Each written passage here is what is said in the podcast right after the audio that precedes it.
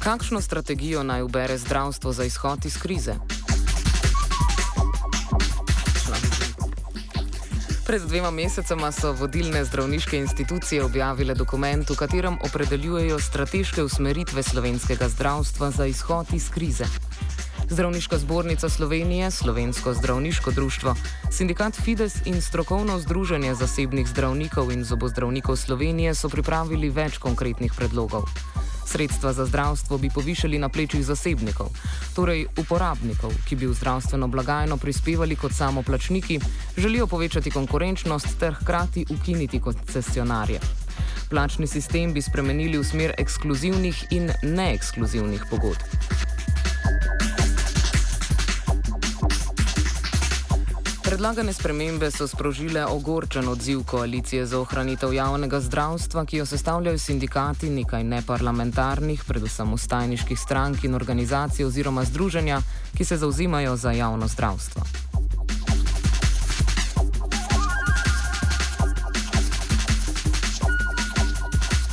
Pogovor smo začeli s predstavnikom sindikata Fides, Bojanom Popovičem, ki tam upravlja funkcijo pravnega svetovalca.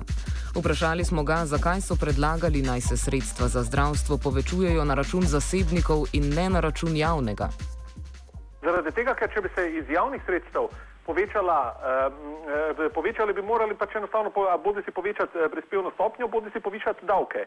Gre za vprašanje, da, da, bi, da, bi, ohranili, eh, eh, da bi ohranili javna sredstva v odstotku, pač eh, takšna, kakršna so danes, kar pomeni seveda, da bodo potem proporcionalno rasla z rastjo eh, bruto družbenega proizvoda, medtem ko, pa, eh, ko bi se eh, pa dala potem seveda priložnost potem tudi zasebni pobudi, da, eh, da, da, upelje v sistem dodatna sredstva. Se pravi, želimo obrniti logiko, želimo eh, Eh, eh, obrniti to, da, da se nekako zasebna sredstva oziroma pa zasebni izvajalci, zasebni ponudniki zavarovanj pač izkažejo, da, da pravzaprav najdejo trg, da najdejo eh, pač nove, nove produkte in na ta način zbirajo sredstva. Ne pa, ne pa tako kot danes, ko imamo ravno obrtno obratno logiko, ko država z davki in poviševanjem davkov pravzaprav zbira javna sredstva zaradi tega, da potem na njih parazitirajo zasebni izvajalci ali pa zasebni ponudniki, ne, dobavitelji opreme in tako naprej. Poslušajmo, kako je isto problematiko naslovila Nevenka Lekše, predstavnica koalicije za ohranitev javnega zdravja. Lahko bi na nek način soglašali z uh, predlogom oziroma z ugotovitvijo zdravniških organizacij, da je delež družbenega proizvoda v Sloveniji za zdravstveni sistem prenizek in da ga je potrebno uh, uh, zvišati. Seveda pa oni ne govorijo o tem, da bi se zvišal javni delež, ampak predvsem predlagajo, da bi eh, seveda ljudje kot posamezniki bistveno več eh, prispevali iz svojih žepov za zdravstvene storitve, kar pa seveda eh, mi nasprotujemo v koaliciji, saj pravimo, da so zasebna sredstva za dejavnost lahko le dopolnitev javnega sistema zaradi razmejitvijo dejavnosti in virov. Vodilne zdravniške organizacije se prav tako zauzimajo za mantro povečevanja konkurenčnosti. Popovič.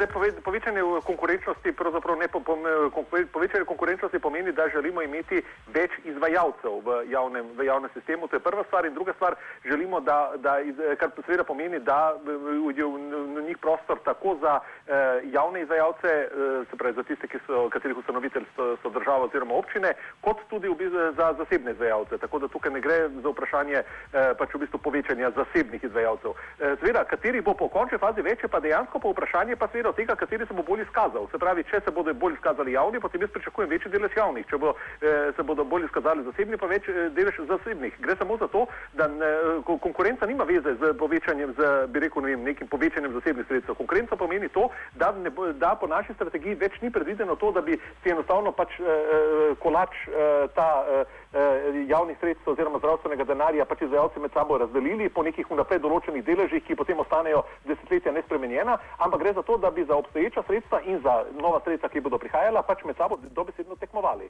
Se pravi, da dobil bo več tisti, ki bo več naredil. Do koncepta povečevanja konkurenčnosti, ki bo domnevno prineslo višjo kvaliteto zdravstvenih storitev, so izjemno kritični v koaliciji. Ne vem, kaj le še. Zelo smo kritični do uh, pobude, ki pravi, da bomo v zdravstvu uh, treba povečati konkurenčnost, ki naj bi izboljšala uspešnost in delovanje zdravstvenega sistema. Mi trdimo, da je to zelo zavajajoče. Uh, saj bom na primeru povedala, je skoraj da nepredstavljivo, da bi v imenu konkurence, na primer, seveda, če, ker bo to potem privatno, uh, nek preventivni program ukinili, kar pa zanj ljudje niso imeli interesa, ni bilo posluha, posluha vendar za javni interes, uh, za to, da zagotavljamo varnost uh, ljudi, je pa to še kako pomembno. Vodilne zdravniške organizacije želijo nadalje ukiniti koncesije. Popovič najprej razdela pojem koncesij, katerega definicija je po njegovem mnenju v Sloveniji obrnjena na glavo. Poglejte, eh, eh, koncesije, eh, najprej treba seveda pač razčistiti, kaj so koncesije. Koncesije so posod po svetu, pomenijo to, da se z zasebnimi sredstvi zasleduje nek javni, nek javni interes. Se pravi, da vi, da vi dobite investitorje, nekega zasebnega investitorja, ki opravlja neko gospodarsko, de, gospodarsko dejavnost in v zameno za to koncesijo, ki jo ima, opravlja zraven tega še neko javno dejavnost.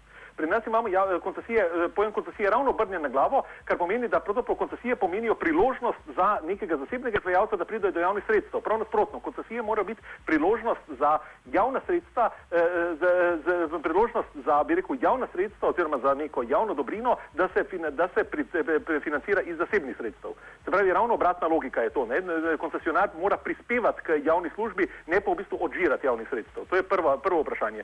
Zdaj, drugo vprašanje eh, je, je potem to, kar se vračamo spet nazaj. Se pravi, naša, naš namen je to, da zasebni izvajalec si pač mora na trgu pač najti eh, eh, najt uporabnike storitev in se v bistvu delno financirati iz eh, javnih sredstev, delno pa seveda pač, pa se financirati tudi iz zasebnih sredstev. In kot rečeno, ne pa tako, kot je v današnji sistem, ko pravzaprav koncesionar enostavno dobi neko, neko več desetletno pogodbo, več desetletni, bo rekel, dostop do, do javnih sredstev, ekskluzivno, ne pač na, na račun drugih. Ne. Pač v, v prihodnje se bo treba pač enostavno za, eh, za denar oziroma za uporabnike se bo treba bolj potruditi. Koalicija je kritizirala tudi to urednotenje, saj menijo, da so koncesije varovalka pred popolno komercializacijo zdravstva. Govori ne vem, kaj še. Kritično so tudi do uvajanja um, drugačnega sistema košarice pravic na A in B, uh, ker sicer ni dorečeno.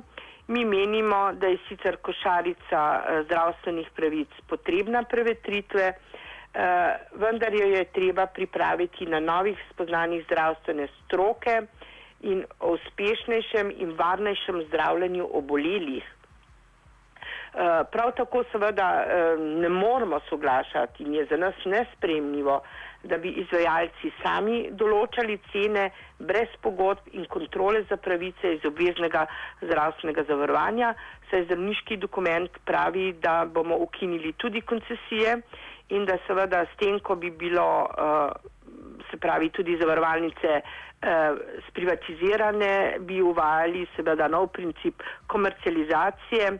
Eh, kar pa vemo, da nujno vodi zasebni interes, je pač drugačen od javnega, saj pomeni, uh, da, da bojo zavarovalnice tudi vključile in tudi zasebni izvajalci v svojo dejavnost dobiček in s tem se bistveno, bistveno tudi uh, povečajo stroški za izvajanje zdravstvenih storitev. Ljudje bomo pa od tega imeli bistveno manj. Strateški dokument pa se zauzema tudi za spremembo plačnega sistema. Uvedli bi koncept ekskluzivnih in neekskluzivnih pogodb, s katerimi bi definirali, v kakšni meri smejo zdravniki delati pri različnih delodajalcih. Popovič. Ja, ekskluzivna pogodba pač pomeni to, da, da bi tak zdravnik imel sklenjeno pogodbo o zaposlitvi samo z enim delodajalcem. Eh, ta bi bil zaposlen pri enem delodajalcu za polni delovni čas in bi pač imel tudi določene pač, eh, bi rekel, dodatne priložnosti oziroma dodatne stimulacije. Medtem ko pa eh, zdravniki bi želeli delati pri več delodajalcih, pa v bistvu več ne bi mogel biti zaposlen pri matičnem delodajalcu za polni delovni čas, temveč največ približno 80 odstotkov delovnega časa. Medtem ko pa zaveda za preostanek, se pravi, preostanek plača bi se pa potem pa lahko lahko zaslužil pri drugem izvajalcu. S tem bi pač prišli do tega, da bi vsi tisti zdravniki, ki danes delajo pri več delodajalcih, bi dejansko predstavljali najmanj 20 odstotki eh, prihranek eh, v javnih sredstvih in to bi bila seveda odlična priložnost, da v bistvu na ta, na ta mesta zaposlimo potem mlade zdravnike. Do slednjega so skeptični v koaliciji za javno zdravstvo, odgovarja Nevenka Lekše. Na nek način seveda tudi ne razumemo uh, čisto, kaj si zdravniške organizacije predstavljajo pri spremembi plačnega sistema v smeri ekskluzivnih in neekskluzivnih pogodb. In s tem pravzaprav, če hočemo biti dobro namerni, ugotavljamo, da želijo ohraniti obstoječe neurejeno stanje in večja koruptivna tveganja. Ja, v koaliciji seveda menimo, da trenutni eh, plačilni sistem uh, je potrebno spremeniti in da je potrebno uvesti, uh, bom rekla, odgovornost uh, vodilnih in delodajalcev, da bodo smeli in zmogli uh, plačati tiste zdravstvene delavce, ki so prizadevni, ki delajo več ki, uh, in ki. Delajo kvalitetneje, da jih bodo tudi več eh, nagradili. Eh, seveda pa zato potrebujemo tudi javne eh, normative, eh, ki bodo podprti z analizami in verificirani eh, z standardi. Za konec smo Lekšeto vprašali še, kaj se misli o tem, da vlada kljub večjim poskusom ne more najti ministra oziroma ministrice za zdravje in nadaljne, kaj meni o dejstvu, da je bil ta resor sedaj preseljen kar pod kabinet predsednice vlade Alenke Bratušek, ki je po njenem mnenju. Seveda eh, odgovorna za to, da naj bi država funkcionirala in jaz mislim, da za to nima dovolj časa niti energije, da bi se osebno ukvarjala z zdravstvenim sistemom. Morda ta je pa uh, najbolj kruta, pa se bojim, da ni daleč od resnice.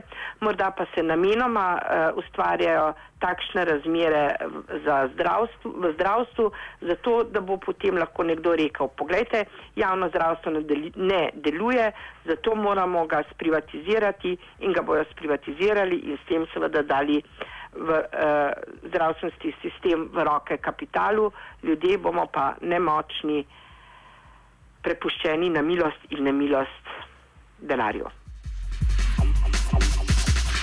Offside je pripravil Luka Tetičkovič.